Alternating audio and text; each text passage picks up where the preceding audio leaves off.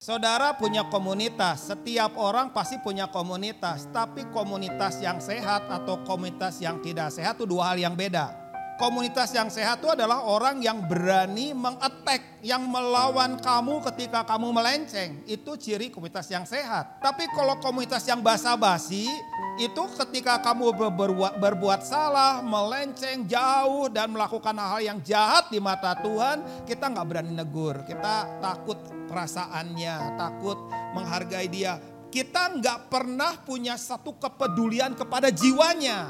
Tapi kalau komunitas yang sehat, dia akan peduli dengan saudaranya, menjaganya, mengcovernya.